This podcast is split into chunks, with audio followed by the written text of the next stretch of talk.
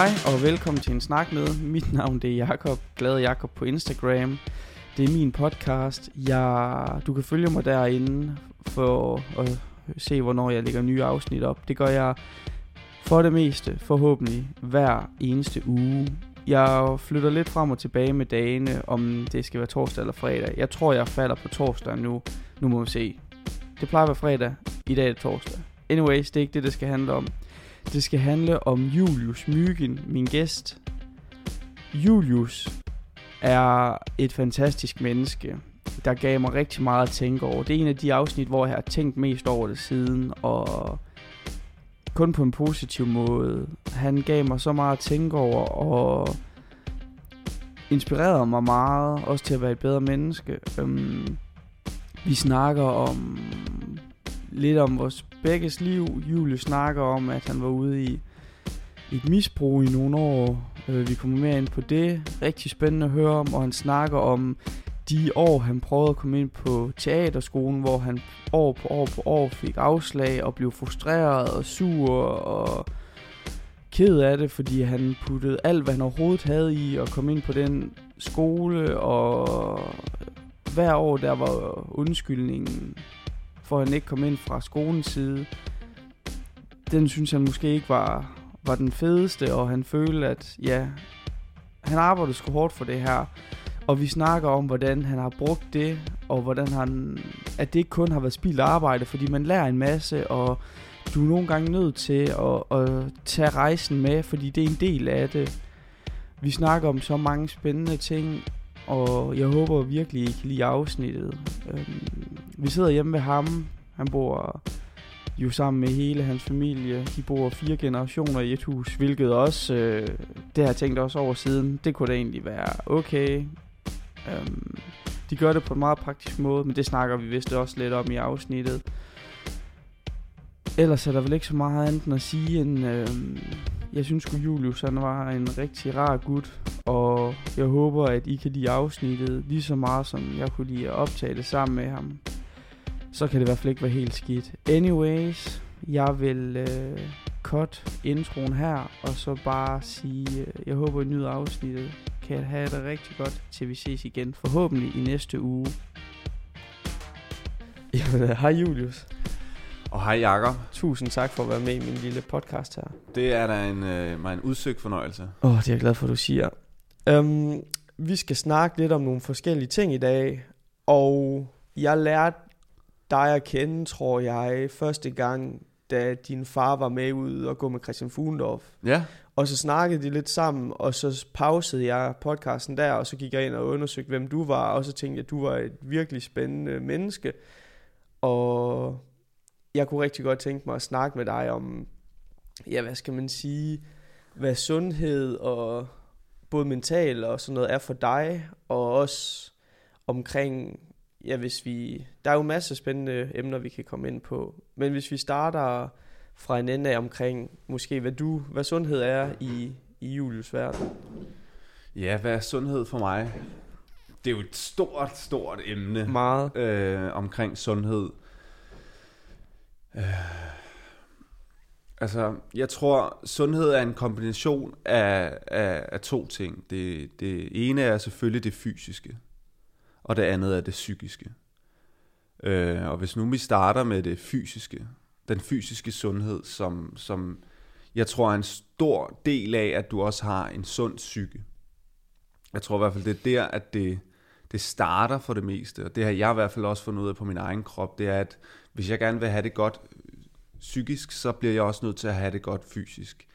Øh, og det er, jo, er der jo en helt klar, nem sådan kemisk grund til, det er jo, at hvis vi dyrker motion, så udvikler vi nogle stoffer, der hedder dopamin og serotonin, som er nogle stoffer, når vi går ud og løber en tur, at efter så producerer din krop noget, der hedder dopamin, som faktisk er det, der gør os glade. Eller det er faktisk serotonin, der gør det, at vi får det her lykkestof ind i vores krop. Øhm, og det har jeg jo bemærket. For eksempel har jeg lige ligget øh, lidt syg i to uger nu, og har ikke dyrket noget motion. Og det har selvfølgelig også resulteret i, at jeg godt kan mærke, at jeg er sådan lidt flad. Og, øh, og det respekterer jeg også, for sådan er det, når man er syg. Så jeg har helt klart en, vendet min krop til virkelig at tænke over, at okay, hvis, hvis jeg skal være, hvis jeg måske er lidt nede, eller ikke har det så godt, så ved jeg, jamen så skal jeg fandme ud og træne. Så jeg har faktisk i min kælder noget træningsudstyr, så jeg i hvert fald 3-4 gange om ugen går ned og får, får styrket min krop, eller i hvert fald går ud og løber, så jeg holder min krop i gang. Og det gør så, at min psyke også altså på en eller anden måde får det bedre. Og når vi snakker om psykisk sundhed, så er det jo hele den her mentalitet omkring, jamen, hvad, hvad går vi rundt og siger til os selv? Hvad er vores indre stemme? Hvad er det? Hvad den føler Er den negativ eller er den positiv? Øhm, jeg lagde for eksempel noget på Instagram her forleden, som, hvor jeg skrev sådan, jamen, har I prøvet det der med at vågne op og virkelig bare har negative tanker, som faktisk gør, at hele din dag er ødelagt? Fordi du ikke på en eller anden måde formår at nedbryde de her negative tanker, eller i hvert fald forstå dem og gå ind i dem og håndtere dem og finde ud af, om de egentlig er sande. Og jeg ved, der er mange mennesker, som kender det, at de kigger sig selv i spejlet og tænker, hold kæft, hvor er jeg grim at se på, eller jeg, er, jeg er udulig, jeg kan ikke noget. Det der med, at man faktisk ikke tror på sig selv.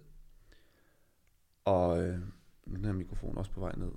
Jeg ved ikke, om vi lige skal rive den op af. Måske skal den strammes lidt derover. Vi er tilbage efter en lille øh, technical difficulty. Ja, sådan er det jo. Yes.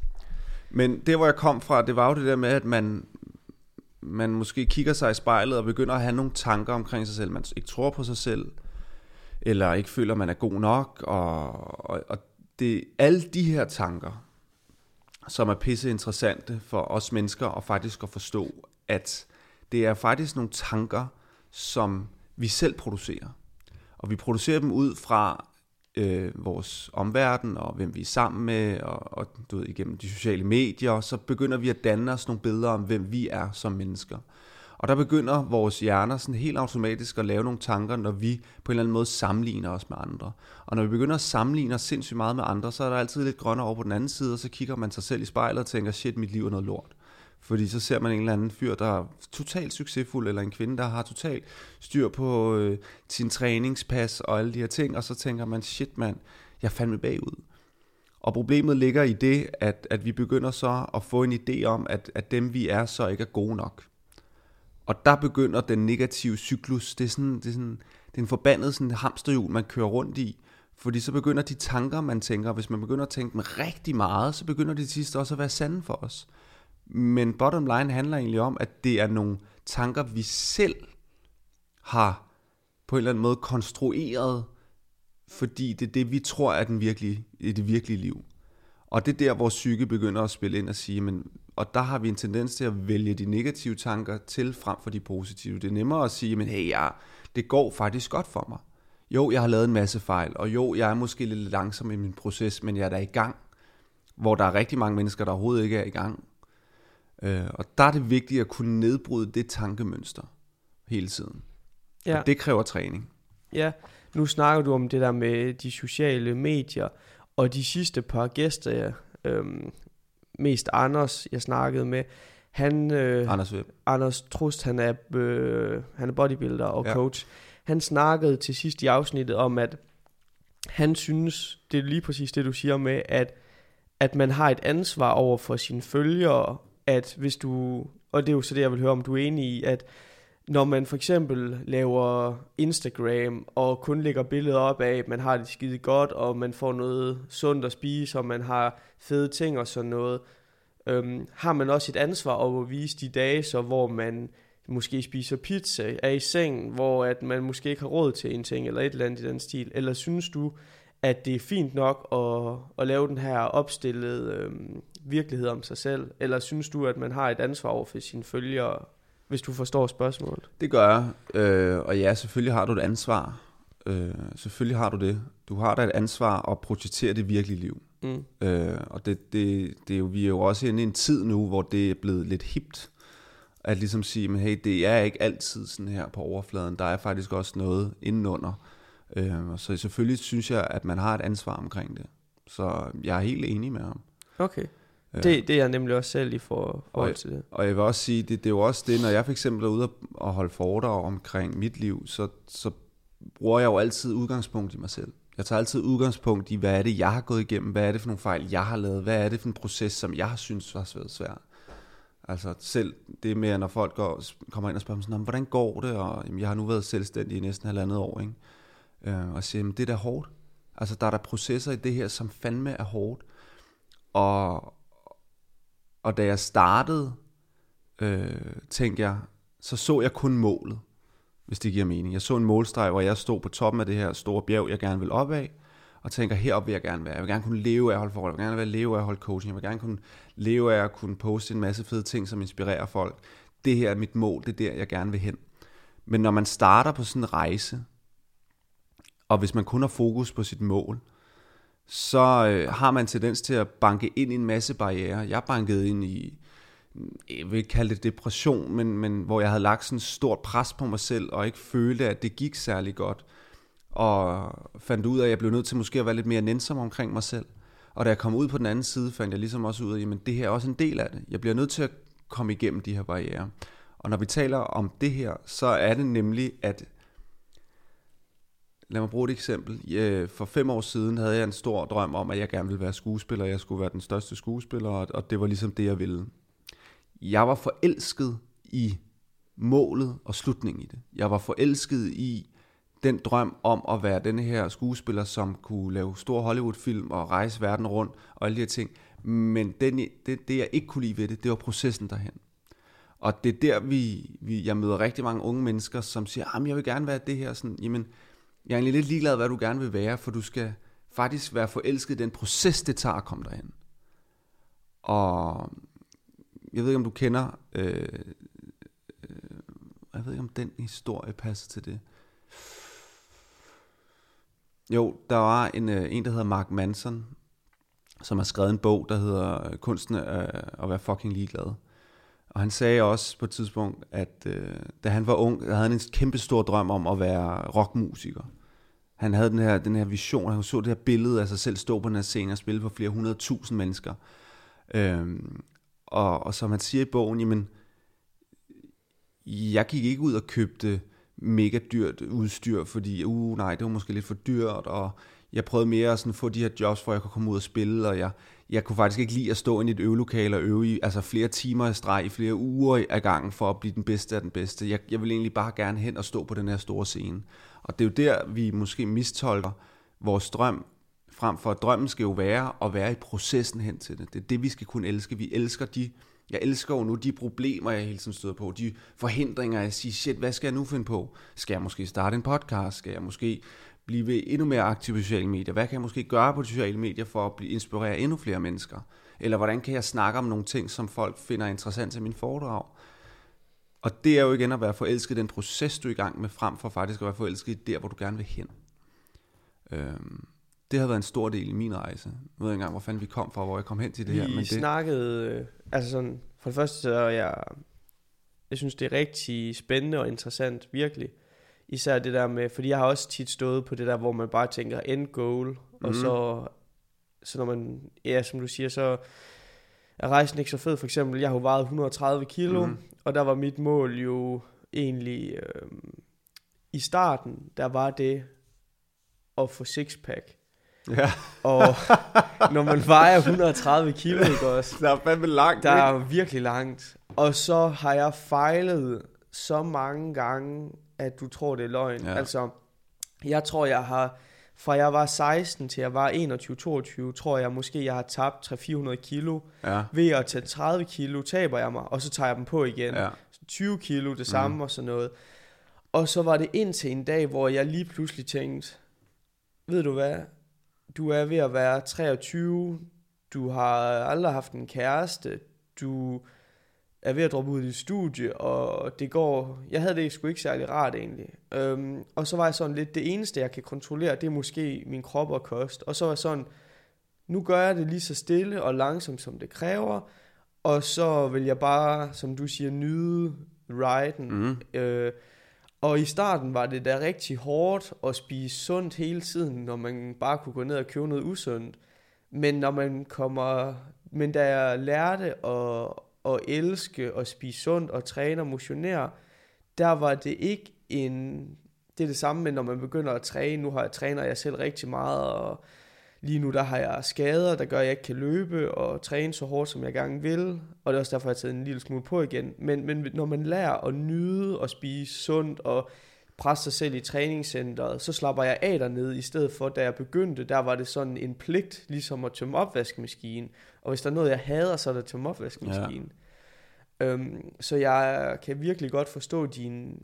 Altså når du siger det, at nej, det, det handler sgu ikke bare om end goal. Men jeg tror, der hvor vi kom fra, det var det der med øh, sundhed. Og, og det er jo rigtigt, at det er en, det er en balance mellem det fysiske. Fordi jeg har fået meget mere overskud og glæde ja. i livet siden jeg har tabt mig. Ja. Og så er der plads til at rumme det, det psykiske. Ja, ja. Jeg tror også, det handler meget om, hvordan man sætter sin forventningsbare. Øh, og hvad for nogle forventninger man har til sig selv. Jeg, jeg havde en tid, da jeg var kommet ud af mit... Jeg har jo en, det, jeg holder meget for, der også, hvordan jeg kom ud og ind af mit, mit misbrug. Ikke? Jeg havde ja. et, et hårdt misbrug, primært med has, men også andre stoffer, i fire år, igennem en folkeskole op i 10. og lidt ind i noget gymnasie. Og da jeg stoppede med det, der, øh, der begyndte jeg at træne sindssygt meget, hver evig eneste dag. Og, og det blev bare sådan, det blev min nye afhængighed. Da jeg så begyndte at komme ind på arbejdsmarkedet, stoppede jeg lidt. Og så da jeg sådan på et tidspunkt fik, oh, jeg kunne godt begynde at træne lidt igen, så var det sådan min forventning om, at det er sådan, jeg træner. Det er hver eneste dag, og det banker der ud af. Og bare sådan, og hver gang jeg prøvede at starte, så fejlede jeg altid. Fordi jeg fejlede på grundlag, at jeg havde en forventning om, at det er sådan, jeg skal træne. Og, og, og det endte faktisk med, at jeg så overhovedet ikke trænede. Fordi, ej, jeg kan slet ikke overskue, fordi så skal jeg op i træningscenteret, og så skal jeg altså smadre mig selv. Altså, jeg smadrer mig selv dengang. Hvor nu er jeg et andet sted i mit liv, øh, hvor for mig er, er det lige så rart faktisk gå en halv time, bank ud af, lige noget full body, stille og roligt, og så er det faktisk fint. Jeg behøver ikke mere, for faktisk at få det godt. Øhm, så det er også det der med at forvente, hvor, hvor, hvor er jeg egentlig glad, og hvor får jeg tingene gjort. Øh, for det vigtigste er jo på en eller anden måde at skabe handling i din proces. Det er også, når jeg for eksempel har coaching-klienter, som har et mål om, at jeg vil rigtig gerne begynde at løbetræne helt vildt meget. Okay, men fint nok. Har løbetrænet før? Aldrig. Okay, men hvad er dit mål? Jeg vil gerne ud og løbetræne 3-4 gange om ugen. Bare sådan, okay, er det realistisk? Altså sådan helt ærligt. Og det er jo ikke fordi, jeg taler folks mål ned, men for mig er det egentlig vigtigere at forstå, jamen hvis du aldrig har været ude at løbe, hvad er grunden til det? Jamen jeg sidder altid på sofaen, og jeg får aldrig, får aldrig det gjort. Jeg får aldrig sådan rejst mig op og tage ud og løbe. Okay, men så er dit mål måske at rejse dig op i sofaen, til løbetøj på, og så gå ud foran din hoveddør. Tre gange om ugen. Så kigger folk altså på mig sådan, det kan jeg jo godt. Okay, så prøv at gøre det tre gange til næste gang vi ser. Og hvad er det så, der sker? Jamen det er, at de faktisk formår tage deres løbetøj på, gå ud af døren, og så er de sådan, at nu er jeg ude af døren, nu kan jeg godt løbe en lille tur. Altså, og så er målet også, at du skal ikke ud og løbe i tre timer eller en time, du skal måske bare løbe i 20 minutter en lundetur. Bare sådan, have det godt. Bare sådan, prøv bare at komme i gang. Altså, du, du skal ikke ud og dræbe dig selv. Og, og når du sætter dine forventninger og dine mål så lave, at du ved, du kan formå at, at gøre det, så kommer du faktisk også i mål, og efter den, den ene coaching, jeg havde med den klient, og så efter så, ah, jeg kom i mål med det her, mand. Okay, hvad kan vi nu putte på? Jamen, øh, måske skal jeg prøve at lave lidt interval i de her halve time, når jeg kommer ud, for nu kan jeg faktisk godt komme ud af sofaen, Jamen, så måske bare en af de her tre gange, så, så, så lever jeg lige sådan 10 minutter, hvor jeg løber helt vildt stærkt. Okay, så prøv at gøre det. Så pludselig bygger du de her klodser på og får et fundament, som er rigtig stærkt. Fordi bottom line handler det om, at du skal ændre dit, dit handlemønster, for hvad, at du ikke kan gøre det, til at du ligesom får motivation til at gøre det. Det er ligesom sådan det grundlæggende. Og hvordan, hvordan ændrer man så på det? Det er ved at ændre dit psykiske mindset omkring, jamen, det her er faktisk noget, jeg sagtens kan gøre. Jeg kan godt tage mit træningstøj på og løbe, gå ud af døren. Godt. Så bliver jeg faktisk også gladere, fordi jeg når i mål, og man får mere motivation. Så bottom line, når man har et stort, stort drøm, det er at dele den ned i så små, sådan, små dele, at du hver uge på en eller anden måde kan komme lidt tættere på dit mål. Så det er at have mange delmål. Det arbejder jeg meget med også selv. Ja, jamen nu, du sidder jo for mig selv til at indse nogle ting, for eksempel det der med, at jeg gik jo fra at være 130 kilo, og så kom jeg ned, jeg nåede mit mål, mm. jeg kom ned, fik 9% fedt, jeg ja. havde, for det første, jeg kan godt lide at være sund, og jeg vil gerne blive gammel, og stadig være aktiv og sådan noget, så der, det er jo en af, og det er den primære grund til, at jeg gjorde det, men det der med at kunne se, og jeg blev, altså, åh der var sådan de to måneder, hvor jeg havde den pæneste sixpack. Altså jeg, på skolen alle steder, der gik jeg ligesom, hvis jeg ja. alene og løftede min trøje op og kiggede i spejl og sådan noget. Altså, jeg var forfærdelig, fordi at jeg, var, jeg havde opnået noget, som når man vejer 130 kilo, spiller computer 14 timer om dagen, og lever af uh, junk food, det var bare ikke, det lå ikke i kortene. Nej. Og da jeg så havde opnået det her, altså sådan, jeg var forfærdelig med det der med at kigge på mig selv og sådan ja. Jeg kunne nogle gange tage det, det mig selv, jeg, også derhjemme stå og kigge i spejl. Og nu der prøver jeg at komme i gang igen. Det går rigtig godt med min træning. Altså jeg træner de her 5-6 gange om ugen, fordi det elsker jeg at gøre. Men min kost, den hænger bare af HT, fordi jeg lige, lige nu der er det virkelig svært for mig at samle min kost med op. Jeg ved ikke hvorfor, jeg plejer at være god til det. Hvad er grunden til det svært? Jamen det er jo fordi, jeg tror det er fordi, at ligesom du nævnte det der med at have det lød lidt til, at du også har sådan, jeg kalder det et misbrugsgen. Du skal altid være afhængig af et eller andet. Ja. Altså ikke, ikke misbrug som stoffer eller noget, men bare, jeg skal altid være afhængig af et eller andet. Og for mig, der var det computer, ja. så var jeg fast food, så blev det til motion, og så altså, til akvariefisk eller et eller andet. Jeg skal altid være 120% i et eller andet. Øhm, og jeg tror, det her lige nu, der... Jeg ved ikke, om det som du fik mig til at indse, at det er måske fordi, at jeg har en forventning om, at på to måneder, der skal jeg være tilbage, hvor jeg var før. Og jeg har meget nemt ved sådan, når jeg synes, at jeg synes jo, det er nemt at tabe mig, fordi at jeg har gjort det før, og ja. jeg ved, jeg skal bare spise sundt og sådan noget. Og så er det nemt for mig, når min kæreste spørger, skal vi lige ud og spise, og sådan, ved du, jeg kan bare tabe mig fra i morgen af, men så er der en ven, der spørger, og så sådan lige pludselig, så får jeg ikke gjort noget ved det, fordi at jeg synes, det er så nemt, i stedet for før, hvor jeg sagde, prøv at høre, nu er jeg nødt til at spise sundt hele tiden, og så kan jeg tage med en ven eller kæreste ud, måske en gang hver anden uge, eller et eller andet i den stil. Så du har fået mig til at indse på de relativt få minutter, vi har siddet og snakket, at det med, at jeg tror, jeg har for høje forventninger til mig selv, hvad jeg kan opnå lige nu, fordi der var jeg også et andet sted i livet. Der havde jeg ikke ja, en kæreste. Der skulle jeg ikke lige pludselig ud og spise med nogen. Der kunne jeg bare være 8 måneder, tog det mig om at tage 40 ja, ja. kilo. Fordi der kunne jeg bare være i Jakobs lille rutine hver dag. Så sådan, måske skal jeg bare gøre det lidt langsommere. Øh, eller noget i den stil. Ja, finde noget, hvor du kan tilpasse til din dagligdag. Ja. Og finde ud af, hvad er sundhed for dig. Ja. Det, er jo, det er jo også det, vi snakker ja, om præcis, nu. Det er jo, men ja. okay, jamen, det er, at jamen, ud af de her syv dage, vi nu har på en uge, så er det i hvert fald altså fem dage. Altså, ja. der, der, der har jeg sgu... Øh, der spiser jeg sgu en god morgenmad. Altså det er sådan en, det kunne være en, en start. Sige, jamen ja. jeg skal altid have en god morgenmad. Jeg må ikke, du ved, bare lige, du ved, drikke et eller andet, du ved, smart juice, ja, ja, det, nej, det, men faktisk, jeg skal bare lige have noget havregrød eller noget. Så, og så min, og min mellemmåltider, det skal bare altid være snacks. Ja. Sunde snacks.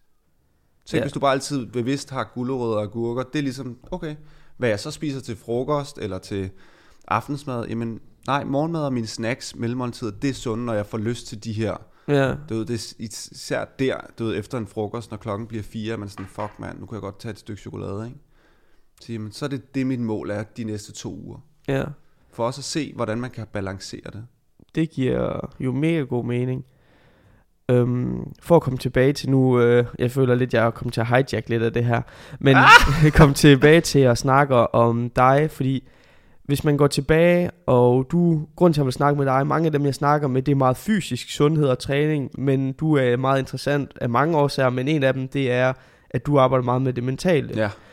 Øhm, så hvad er din baggrund for at have lyst til at hoppe ud i sådan en ting som det her? Hvis vi går helt tilbage, hvad... Ja, hvad fanden er det? Det er nok... Det er jo det der, det er pisse interessante ved at være menneske. Det er, at jeg vidste nok ikke for fem år siden, at jeg ville sidde her og lave en podcast og snakke om mindset.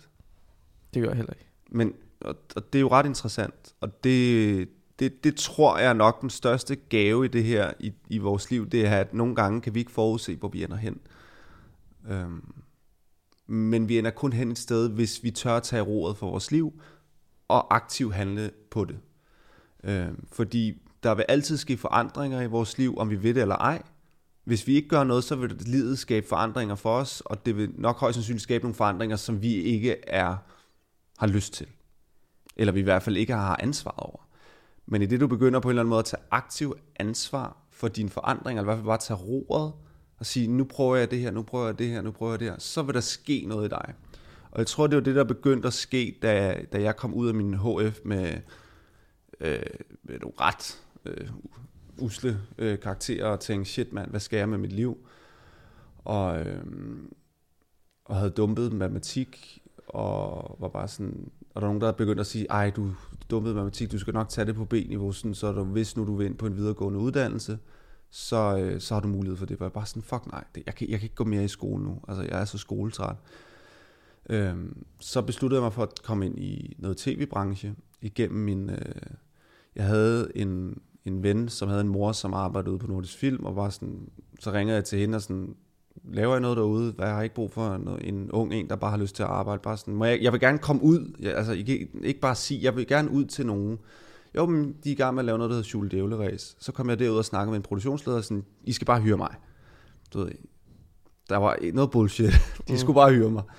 Og så kom jeg ind der, og der arbejdede jeg så i tre år i tv-branchen rundt omkring, og arbejdede mig op der, og nu og endte med at sidde som caster og produktionsassistent.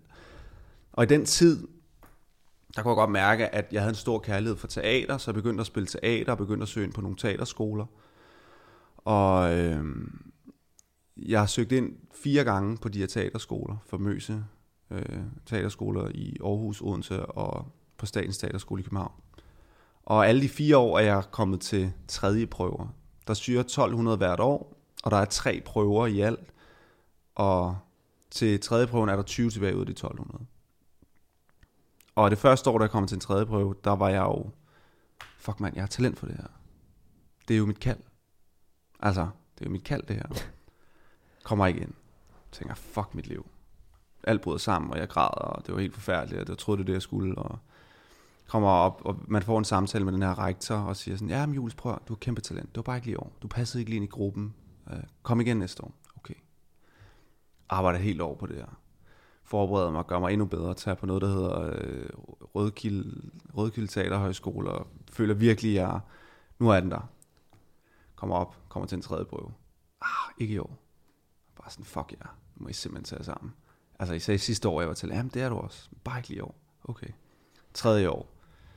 Du ved, helt den samme proces. Øh, for at vide, kommer til den tredje prøve. Ah, vi er vilde med dig, men nej, ikke i år. Bare sådan, du skal arbejde noget med din krop. Bare sådan, okay, noget med min krop, okay, jeg er meget høj, og sådan tænkte, okay, jeg går totalt i krops, og får oven i købet en lærer, som meget sådan er kropslig, og sådan, den tankegang kommer, kommer til en tredje prøve. Og, øh, og i denne her, mellem mit, den tredje og den fjerde gang, jeg søger, så begynder jeg at holde foredrag øh, omkring mit eksmisbrug, omkring at, at formidle mit budskab omkring det der med, at jamen, mit misbrug var egentlig ikke mit problem. Det var bare sådan, jeg håndterede mine problemer. Og det var der, det begyndte at blive interessant. Fordi jeg så, der var en fantastisk respons på de unge mennesker, hvor jeg delte så meget ud af mig selv og sagde, at jeg har været ensom, jeg har kæmper med angst, jeg kæmper med, hvad andre folk synes om, og jeg var, sådan, var pivåben som en bog, og bare sådan delt ud af mig selv. Og begyndte pludselig at mærke en anden form for energi. Sådan, okay, her er der faktisk, her føler jeg ikke, at jeg skal levere et eller andet sådan ekstraordinært. Jeg skal egentlig bare være mig. Jeg skal bare give noget. Og, og, og så er jeg jo også, har jeg måske også en, en, en, et talent for at formidle. Øhm, nå, men jeg kommer så den tredje, fire, fire gange jeg søger, kommer jeg til tredje prøve igen.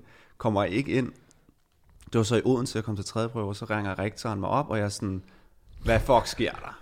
Altså, nu må, I, nu må jeg skal virkelig have en god grund til, hvorfor I har taget Ja, yeah.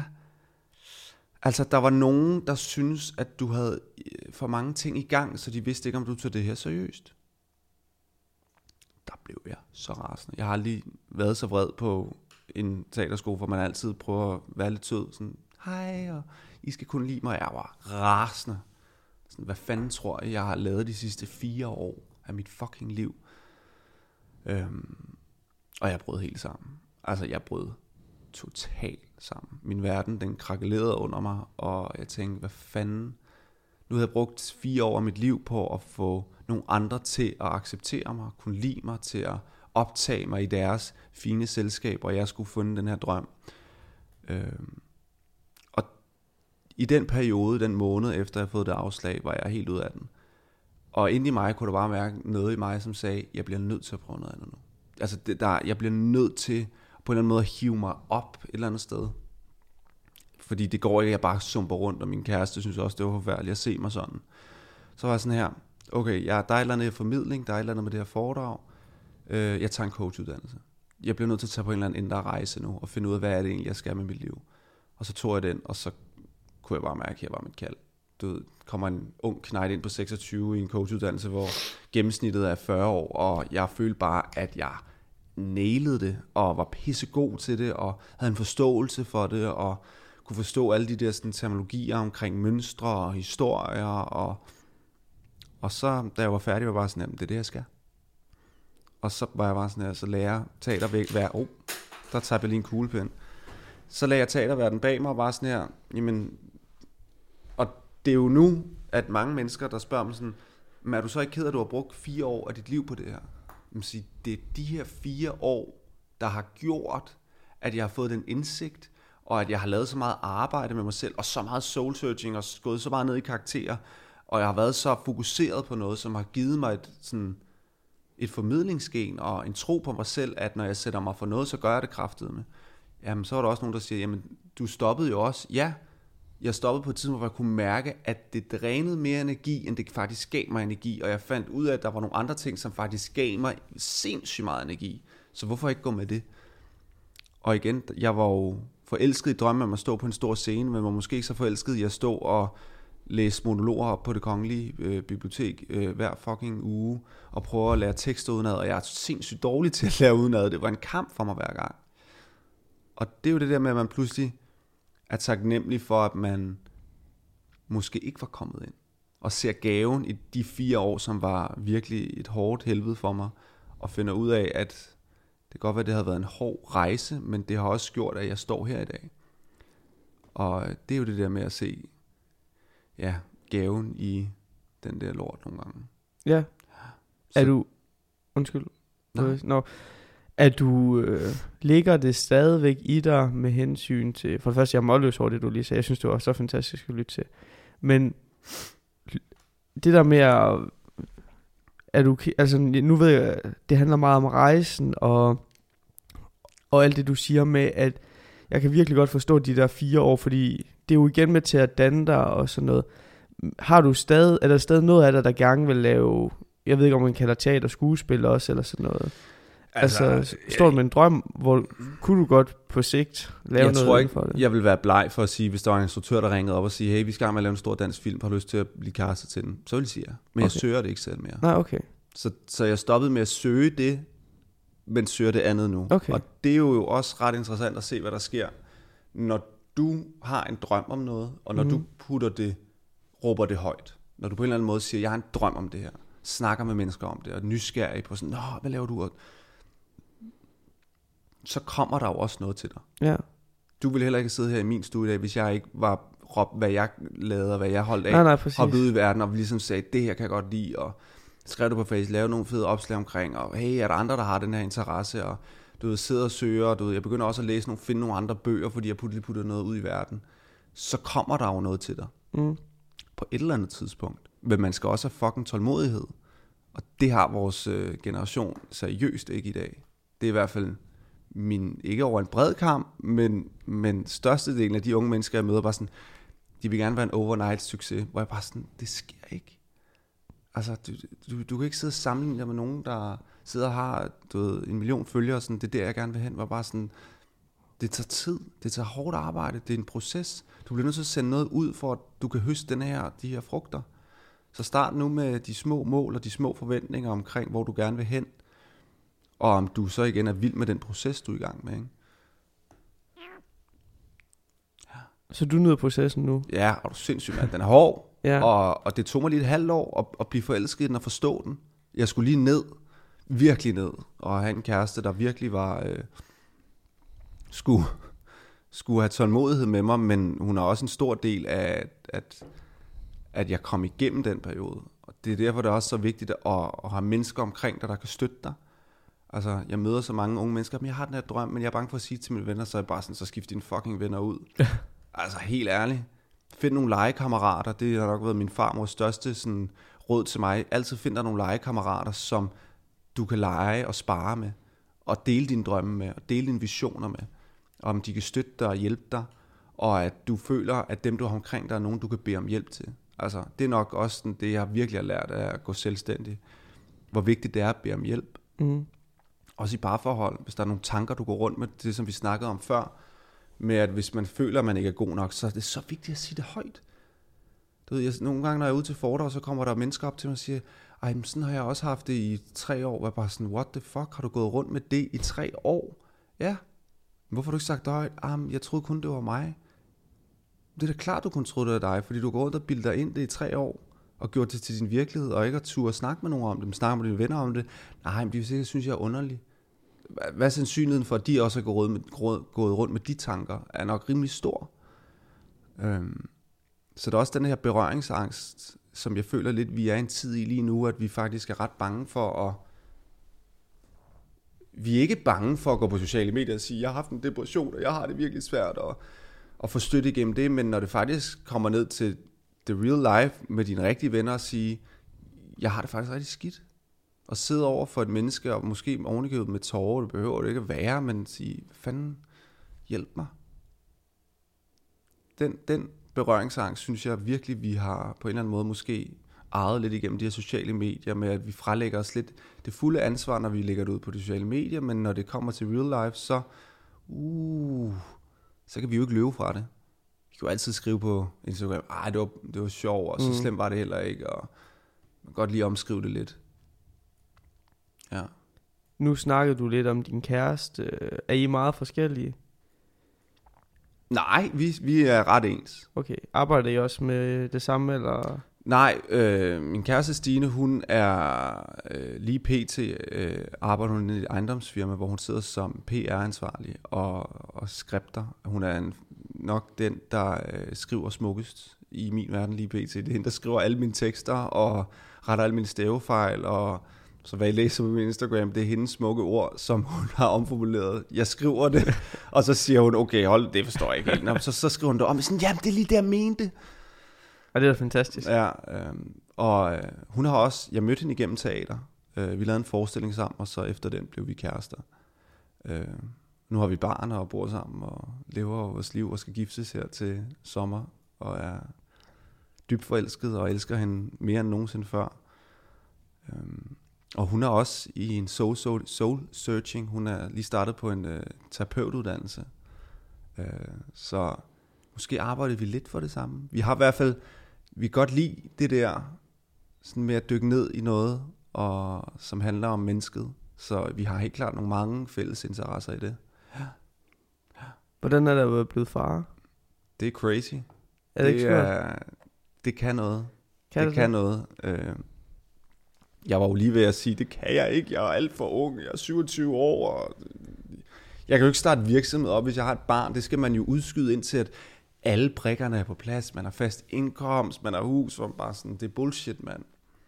Selvfølgelig kan man klare det. Det, det, det giver dig en anden virkelighedssans. Det giver dig en anden seriøsitet omkring dit liv, og det skaber helt klart en motivation for et, der skal virkelig nogle penge ind på bordet nu, for der er nogle vuggestuer, der skal betales. Det er en ting, at du har en anden drive i det. To, begynder du også at se det her, jamen, det jeg er i gang med nu, jamen, det kan jeg ikke stoppe med, fordi hvis jeg stopper med det, så er jeg et forbillede for min datter og siger, hvis hun har en eller anden drøm, jamen, stop, hvis det bliver hårdt. Stop, hvis du går ind i problemer. Så det, det er også blevet sådan, sådan en, en indre dialog, jeg har med mig selv omkring, jamen, de tanker og de udfordringer, jeg går igennem nu, det er jo noget, jeg skal give videre til min datter og fortælle hende, jamen det er en del af livet. Det er en, du kommer aldrig nogensinde til at leve i sådan en lille flot boble, hvor du har det her lykkelige liv, og hvor hver dag bare er en fucking dans på roser, som vi desværre får en opfattelse for, for vi igen med den tid med meget sådan noget selvmotivation, og du skal bare være glad, og når du stopper, bare sådan, love yourself, og bare sådan, der er også dage, som, hvor du kigger i spejlet, og det regner udenfor, hvor du bare har det lidt nederen. Men så skal du også finde ud af, hvad er det, der gør, at du har det lidt nederen? Hvad er det, der går ind og ulmer? Så, så det er meget det, jeg også tænker, jeg gerne vil videregive til min datter. At de hårde dage er også en del af livet. Og de kedelige dage er også en del af livet. Hver dag er ikke en eller anden rollercoaster ride, hvor du bare tjener millioner, og alle elsker dig, og der er også dage, hvor du sidder på sofaen, måske bare ser Netflix hele dagen og tænker, hold kæft, hvor er jeg ynglig, mand men også holder af det, fordi det er også vigtigt at være nænsom og tage dage, hvor du holder en pause. Eller en måned. Det Ja. gjorde jeg i december, hvor jeg, det var der i november, oktober, hvor jeg gik helt ned omkring mig selv, så bare sådan, der er noget helt galt med mine værdier lige nu. Sådan succes og passion og drive og sådan lå øverst, var bare sådan, jeg bliver nødt til måske at lige at faktisk være lidt nænsom ved mig selv. Og det gjorde jeg i december, og der begyndte jeg at læse sindssygt meget, for helt vildt meget læring udefra, som genererede materiale til mig, og sådan, hvad, gerne, hvad jeg gerne vil snakke om. Altså meget af det, vi snakker om i dag, var faktisk også det, jeg lærte i den december. At læse nogle bøger, og følge nogle mennesker, der var interessant, læse nogle spændende artikler, og, som gav mig energi til at gøre det, jeg godt kan lide. Okay. Ja. Øhm, hvis man nu går tilbage, jeg ved ikke om, hvor meget du har lyst til at snakke om det, men med hensyn til, du sagde i folkeskolen, var det der du startede med et misbrug, eller hvad? Jeg røg min første joint, da jeg var 13 år. Det er ungt. I 7. klasse. Okay, Du kan spørge om alt om det her. Jeg er rimelig gennemsigtig med okay, det her. super. Der er Jamen, ikke jeg noget, har, du ikke kan spørge om. jeg har, jeg var 21, da jeg prøvede det i Amsterdam. Sorry mor, hvad hedder det, hvis du lytter Men jeg, jeg har aldrig røget en smøg, aldrig nogensinde. Men jeg prøvede øh, både at ryge og spise en kage, og det ved jeg ikke. Jeg kunne godt lide det, men igen med mit misbrugsgen, der vidste jeg også, at hvis jeg ikke tog mig selv i nakken, så ville det også tage overhånden for mig. Fordi Ja. igen, jeg skal altid være afhængig af et eller andet. Øhm, Hvor kommer det der fra, at du skal være afhængig? det, jeg ved det ikke. Det er et eller andet. Jeg tror både, det er en del med noget passion. Altså sådan, at jeg finder et eller andet, og så går jeg 1000% op i det, og så tunnel vision, eller, og så, ja, okay. øh, så kan jeg godt nogle gange neglere andre ting og sådan noget. Men når jeg går op i noget, så går jeg all in på det. Ja, okay. Men jeg ved simpelthen ikke, fordi jeg har prøvet at lave noget soul searching. Ja, det, okay. det er ikke fordi, at... Jeg kan ikke se, hvad det er med mine forældre. Min far, han er også meget sådan, så Ja, det kan jo okay. være... Altså, min far, han køber et akvarie, og nu har han 26. Ah! Altså, han, hans hjem, det er bare, det er bare et stort, hvad hedder det, ligesom den blå planet, Ja, eller hvad ja, det ja. hedder herude. Altså, det er bare den der passion der med, der skal altid være et eller andet. Ja, okay. øhm, og jeg kan rigtig godt lide det, men nogle gange kan det også være for meget. For Ja. eksempel, jeg kan godt lide sko af en eller anden årsag. Jeg synes, sko det er fedt, men så er jeg bare nødt til at have... Jeg kan godt lide Adidas sko. Så i mit hoved er jeg nødt til at have alle skoene, før det giver mening. Ellers der er sådan lidt med. Så det er mærk... Det ved jeg ikke. Jeg har bare et eller andet... Jeg har lært, mine forældre har arbejdet på Lego, og jeg har altid haft... Jeg har aldrig været meget forkælet, men Lego har der aldrig været problemer med. Så jeg tror bare, det er sådan samler til... Jeg ved ikke, Ja. hvad det er. Men jeg synes bare, det er sjovt at tænke på. Men hvis vi kommer tilbage til det der med... Var, var der en grund til, at du startede? Var det din... Altså nu tænker jeg på øh, med Hassen i syvende. Var det, var det din omgangskreds, eller var det... Du sagde, at det var måske i forbindelse med nogen... Det var ikke det, der var misbruget. Du misbrug på grund af, at der var noget andet galt, eller? Ja, at det, det er også det, jeg meget sådan snakker om. Det er, at øh, da jeg røg min første joint, der havde jeg levet øh, et år med en, med en ældre kæreste. Ikke levet sammen med en, men har fået en ældre kæreste. Øh, I syvende? ja, og et, et år ældre end mig. Øh, og før det, jeg bliver måske nødt til at tage det lidt tilbage, men ja. hele min skolegang, da jeg startede i 0. til sådan 3. klasse, der begynder man jo ret hurtigt at forstå, hvad er det for et fagligt niveau, man ligger på. Øh, og den første sådan, sekvens, jeg kan huske, er, at jeg får læst Harry Potter op i min far i 3. klasse, og sådan skal over i skolen og fortælle helt slutningen. Og det var den nummer 3, jeg havde fået læst op, og jeg løber over og skal være en rigtig, rigtig røv. Så kommer jeg ind i klassen, og så sidder Philip over i hjørnet og, og læser Harry Potter nummer 5 på engelsk. Og så tænker lille Julius, hold da kæft, jeg må da godt nok være dum. Fordi Philip læser, læser den på engelsk, og læser den selv på engelsk, og nummer 5. Øh, så øh, det sagde jeg ikke højt, for det var pinligt. Og jeg sad ved siden af en, der hed Oliver i min, i min klasse, og øh, hver, han var virkelig øh, boglig og ma- matematisk god, matematisk god. Og, og når vi sidder og havde matematiktimer, og når jeg sådan var i gang med min første lille matematikopgave, så efter altså en halv time, så rækker han hånden op og sådan, jeg er færdig med hæftet, og så sidder man der, fuck ham mand. Du ved, så igen får man sådan et slag oven i hovedet, og, sådan, og reminder sig selv, okay, hvis han er der, og jeg er her, så er jeg fandme langt til at blive faglig god. Igen, så kommer det hele, det store sådan overskrift for det, jeg begynder at sammenligne mig med andres faglighed, i forhold til min egne, og sætter det, det må være værdien for at være god. For at være faglig god.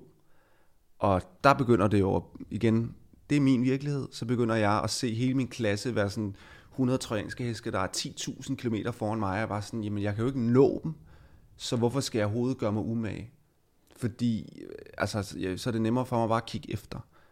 Så for mig begyndte min skolegang, fordi jeg satte mine mål i forhold til, hvordan andre var, og hvor, hvor deres niveau lå, så var jeg sådan, så vil jeg hellere give op, eller bare skrive efter.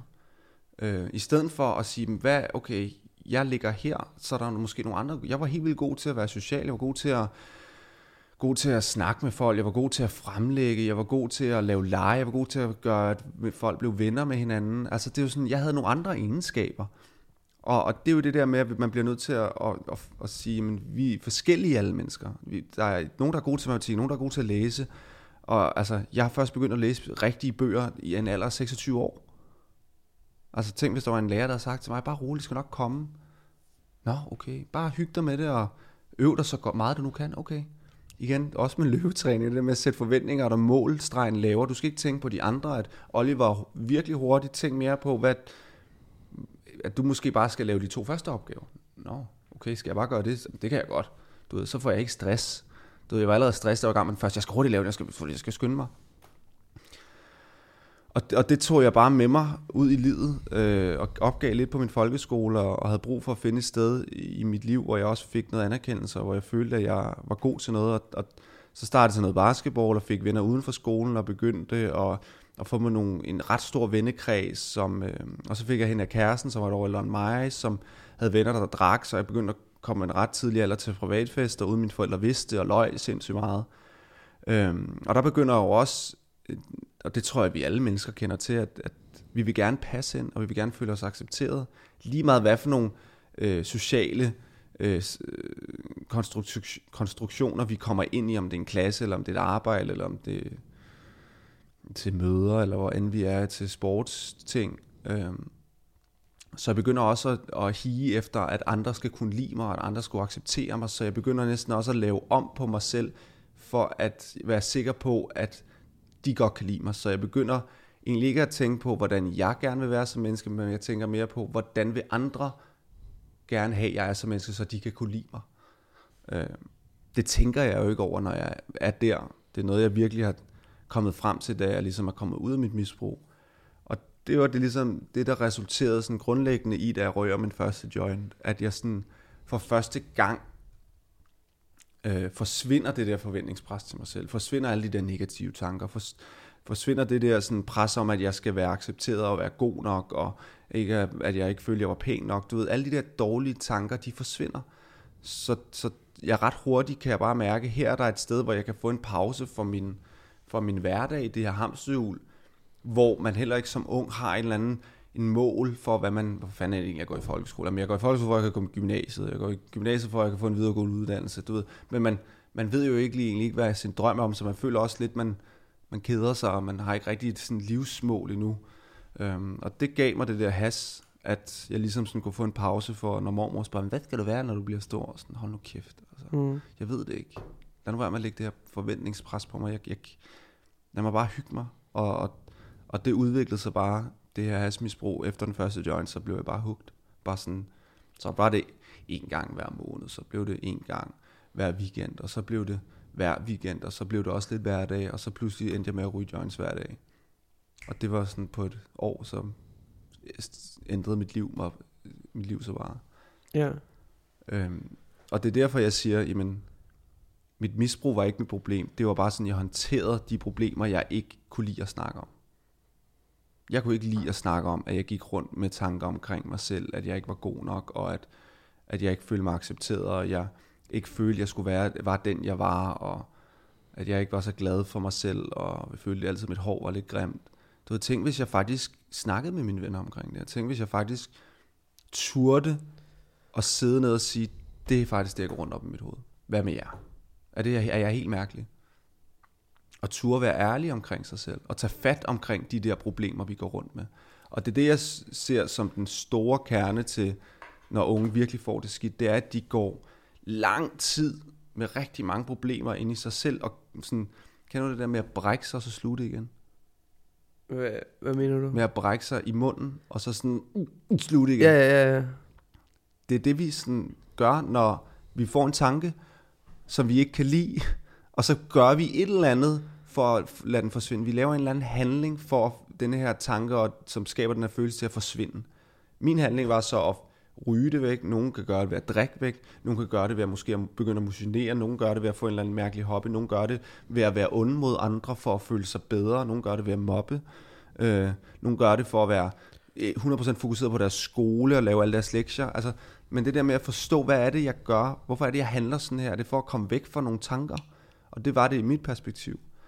Og da jeg så endelig kom ud af det her, øh, det var ved en snak med en person, som spurgte mig, er du, er du egentlig glad for det liv, du har der? Og, og han sad stille i et minut, og da han har stillet det her spørgsmål, og jeg ender med at sidde og græde.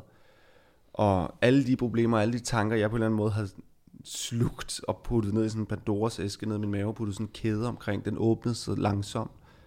Øh, og så brugte jeg 3-4 år på psykologhjælp for at håndtere alle de problemer og finde tilbage til mig selv og komme ud på den anden side.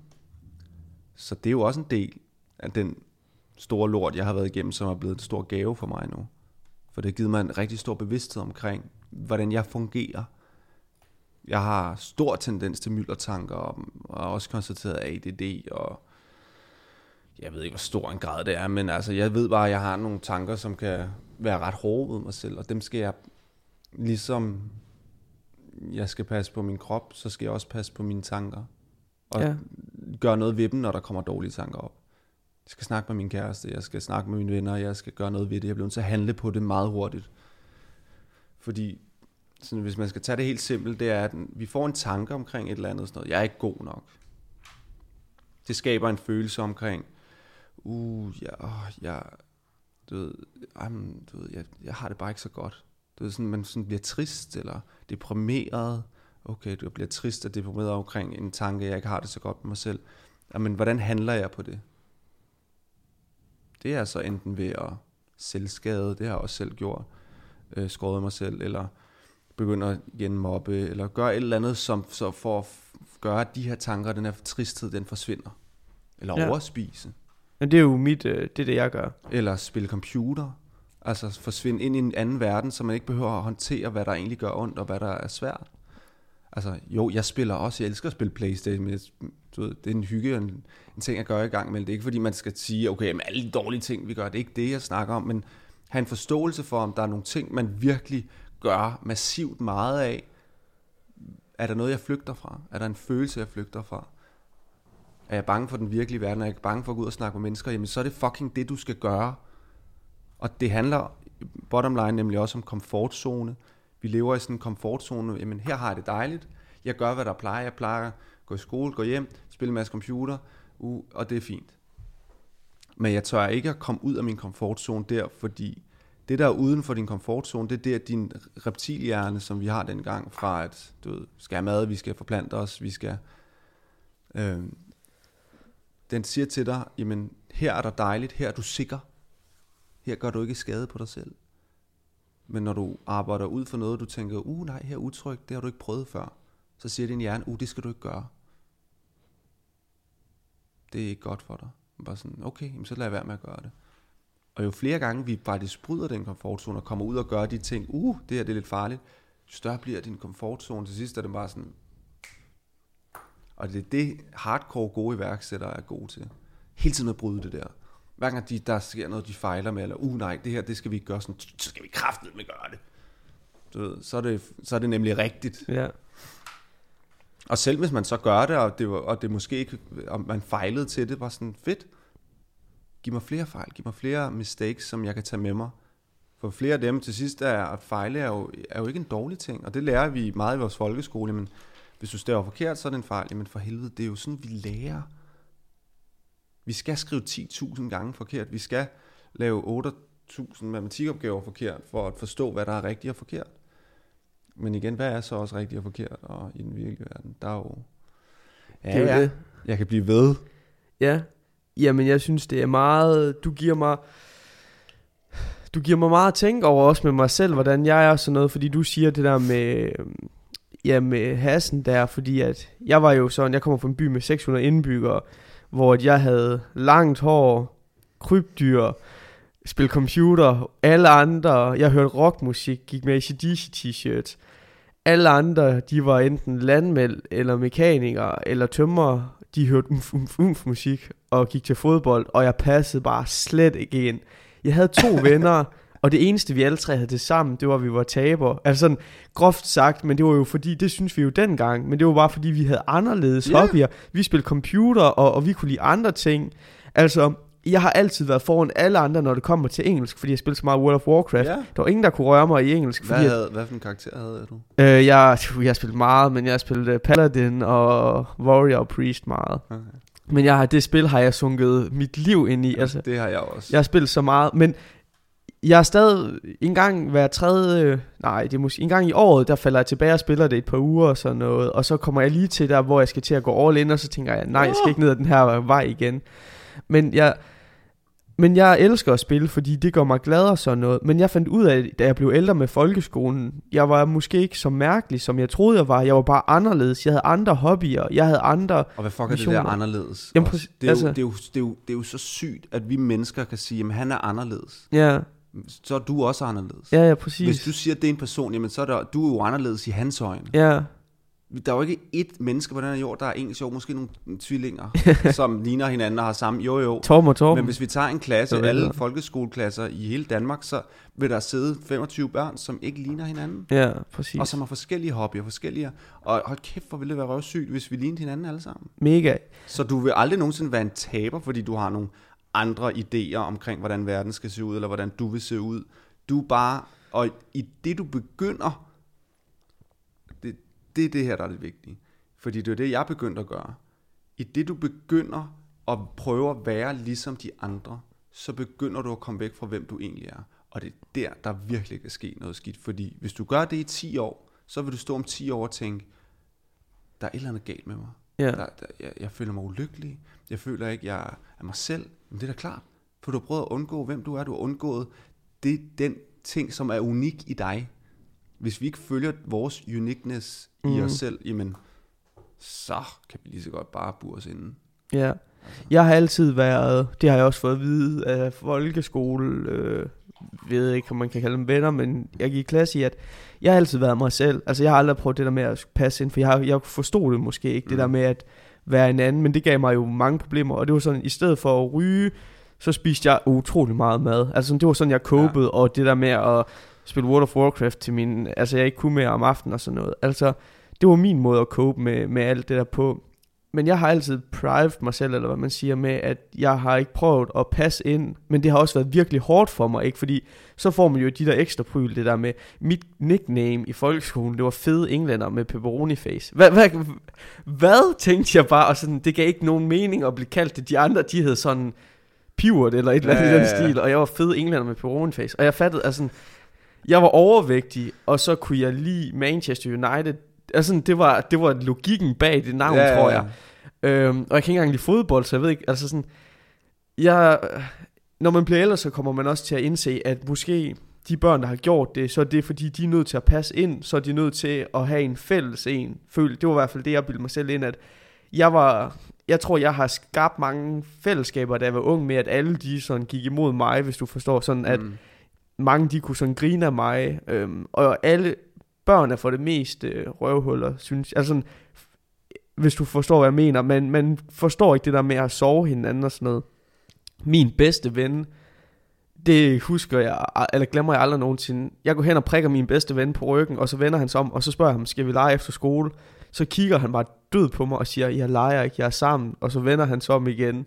Og jeg var bare sådan, jeg forstod, jeg har ikke, jeg forstod ikke det der skift, du ved, fordi jeg har altid, og jeg er stadigvæk også et barn lidt inde i hovedet, Ja, ja. det der med, hvornår at man begyndte at være cool, når man var sammen, altså det der Mm. gik for lege og sådan noget. Men man finder bare ud af, at børn, jeg har måske også, jeg ved ikke, men jeg synes, det er interessant at tænke tilbage på nogle af de ting og sådan noget.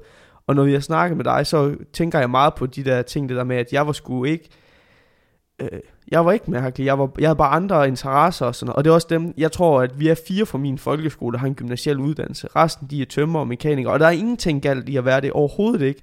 Men jeg vidste bare, at jeg var ikke skabt til kroger, eller hvad man skal sige. Jeg synes, det var fantastisk at vokse op i sådan en sted, Mm. men, men jeg, jeg havde bare et fuldstændig andet syn på, på livet. Det synes jeg, det interessante med det er, at... Ja, hvordan fanden skal man formulere det? Det... Jo, det er, hvordan du værdisætter din egen succes. Hvordan du værdisætter livet. Hvad er succes for dig? Hvad er værdien for din succes? Ja. Hvis jeg kigger på øh, Bill, eller hvad hedder det, Bill Gates, det er værdien for succes. Mm. Så er der fandme langt, ikke? Meget. Altså, men hvis jeg sætter øh, værdien for succes øh, på, jamen, hvad, hvad er værdien for succes? For mig, Ja. en sjov historie, som jeg har lært meget af. Det er, at øh, der var det her band, som, øh, som havde øvet sindssygt lang tid. De havde endelig, endelig fået den her pladekontrakt, og øh, skulle til at udgive deres første single. Øh, inden de udgiver den her første single, så øh, trommeslageren og øh, gitarristen og forsangeren øh, beslutter sig for, at de simpelthen ikke kan arbejde sammen med ham her bassisten. De var bare sådan her, vi, der, det er no-go. Ja, vi kan ikke mere. Vi smider ham ud. Den her bassist bliver smidt ud af bandet, altså uger op, ugen inden de skal udgive den her single. Og altså, han er ulykkelig. Sætter sig på bussen i New York og, og kører hele vejen til Kalifornien. Øh, og græder og var bare sådan, jeg var så tæt på. Altså, da han var ved at dø. Og han ender så med på den her tur også at opbygge sådan noget vrede og var sådan, nu skal jeg kraftedme vise dem.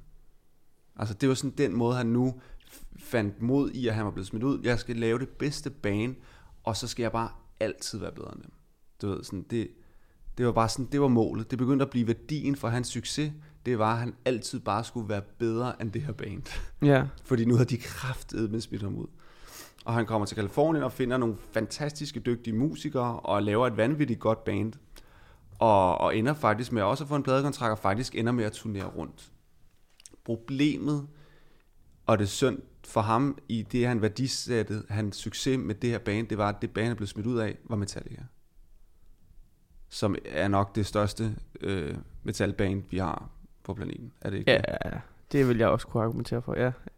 Og øh, et ret interessant med den her øh, interview med den her bassist, som blev smidt ud øh, mange, mange år efter her, når han blev gammel, øh, sad i et meget sådan øh, direkte interview, hvor han for første gang indrømmer lidt, at, og hans, øh, jeg kan ikke huske, hvad hans band endte med at være, men det er ret succesfuldt, altså han lever af det, Ja, ja, ja. ja. og ret succes, og turnerer rundt i Amerika, og han sagde, jeg er stadig fucking sur, at blive ud af Metallica. Shit. Og jeg føler aldrig, at jeg vil opnå den samme succes for, som dem.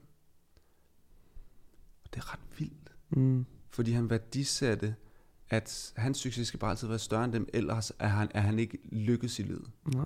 Så det har jo ødelagt alt, selvom han lever i sus, altså som så mange musikere drømmer bare om at komme tæt på at spille på store arenaer. Og det er jo øh, det er ret vildt. Og at han faktisk var fuldstændig usagnemlig, at det han havde skabt var ikke på størrelse med Metallica, jamen så har han ikke succes.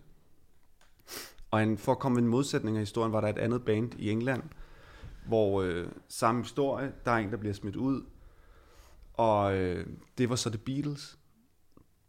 Og øh, han bliver smidt ud, og jeg tror, jeg kan ikke huske, om det var trommeslageren. Fanden det var. Men han bliver smidt ud, og der laver man også et interview med ham her, hvor han siger, at jo, jeg var faktisk øh, dybt ulykkelig, da jeg blev smidt ud, men øh, det fede var, da jeg blev smidt ud øh, nogle år efter, led jeg depressioner med alkoholisme, men øh, jeg tror ikke, jeg ville have mødt min kone og har fået de her to smukke, onde børn, og jeg laver faktisk musik i dag, og det eneste, de har, som jeg ikke har, det er faktisk, at de bare virkelig er kendte og ikke kan gå på gaden, og det kan jeg faktisk fair nok, men altså helt ærligt, hvad skal jeg bruge til det i sidste ende? Ja. Han værdisætter ikke hans succes med The Beatles, men fandt ud af, hvad er det for nogle værdier, jeg har for succes. Ja, præcis. Og det, det er en enorm vigtig rejse, fordi, og da jeg læste det historie, det første jeg tænkte, hvad er mine værdier for succes? Og det, med det samme tænker jeg på mine forældre, sådan, fuck mand, det er det, jeg altid har sådan tænkt, det er det, jeg gerne vil have min succes. Jeg skal, jeg skal i hvert fald højere op med min far, jeg skal højere op med min mor. De er ret succesfulde inden for det, de gør. Og jeg var bare sådan, det kan jeg jo ikke. Fordi så, så, hvis jeg lever efter det, så er det jo det, jeg prøver at stræbe efter, i stedet for at finde ud af, hvornår er jeg succesfuld? Sådan helt, prøv at skrive ned, sådan, og ikke være urealistisk, prøv at sige sådan, hvornår vil jeg egentlig være, føler, at jeg vil være succesfuld med det, jeg gør? Og det er en interessant måde at, at lige at dykke lidt dybere ned og sige, men hvornår man egentlig når sine mål også. Og så igen dele dem op. Ja. Jamen, jeg er kæmpe enig, fordi at jeg har også altid det der, i folkeskolen var der en matematiklærer, der sagde til mig, at jeg skulle nok ikke vælge noget, altså jeg kunne måske blive skraldemand eller whatever, jeg skulle ikke vælge noget, hvor jeg skulle bruge mit matematik. Nu læser jeg så noget med økonomi, så jo. Det er jo så Altså, fuck, ja, altså. men- Og, og det er jo det, jeg mener, at det er virkelig sindssygt, men også med alle de der folk for kroger, der var i det længste tid, hvor, som du siger, at det eneste var, at jeg skulle bare fucking vise dem, at jeg kunne det hele og sådan noget. Og så fandt jeg ud af den, jeg droppede ud af en uddannelse, da jeg læste i Aalborg, fordi at jeg var sådan lidt, what, det er jo ikke for nogen, jeg gør det her, fordi de, hvis jeg gik, hvor sindssygt ville det ikke være, hvis jeg gik hen til en af dem og sagde, in your face, jeg fik den her uddannelse. Altså, det ville jo være vanvittigt, de ville bare tænke, tillykke. Altså, de ville være ligeglade. Så jeg begyndte også at gå efter, hvad, hvad der var Jakobs drøm og sådan noget, og sådan tænke over, hvis jeg kan leve af de ting, ikke at det vil altid være dejligt at have virkelig mange penge, men hvis jeg kan leve og have det godt og give min familie en ferie en gang imellem, men så leve af det, jeg brænder for, og det, der giver mig lyst til at stoppe om morgenen, det er da bare det, jeg skal. Om det så er for 20-30.000 i måneden, eller for whatever beløb, så, så er det lidt lige meget, så længe jeg er glad og har heldigvis også fundet en rigtig sød og dejlig kæreste. Så hvad hedder det? Det er, det er meget, altså, jeg kan virkelig godt, øh, det giver meget mening, det, det vi snakker om, synes Mm. jeg. Det er jeg glad for. Super. Vi har snakket i 65 minutter nu, Ah, what? og jeg tror, vi kunne snakke i 65 mere. Det kunne vi. Men øh, hvis du er game på en afsnit 2 en gang, så 100. kan vi gøre det der. Det skal vi da gøre. Nice. Og alle jer, der lytter med derude, jeg synes endelig, jeg vil opfordre jer til at følge mig på Instagram. Og komme ind og se, hvad jeg laver. Og prøver virkelig at skabe en community derinde, hvor, hvor vi virkelig kan dele vores drømme og dele vores forhindringer og faktisk prøve at være åbne omkring det. Um, så hvis I synes, det kunne være sjovt, så kom ind og så giv mig et, uh, et hej, eller et følg, eller et like, eller en kommentar. Og så uh, vil jeg være så aktiv, jeg kan. Og handle, det er vel bare Julius Mygging. Det er det nemlig. Præcis. Super. Tusind tak for at være med. Det er mig, der takker. Det var mit afsnit med Julius Myggen. Øh, Julius Myggen på Instagram også, hvis man har lyst til at gå derind og følge ham. I morgen tager jeg til København. Jeg skal til koncert øh, lørdag. på Malone. Sky, sky. Sorry, undskyld. Øhm, I den forbindelse skal jeg så i morgen fredag snakke med Thomas Hartmann. Ja, det glæder mig rigtig meget til. Jeg kan rigtig godt lide ham. Og jeg er sikker på, at det bliver en rigtig god podcast. Øhm, kan have det godt til næste uge, hvor det afsnit forhåbentlig er det, der bliver postet, eller hvad man siger. Hej herfra.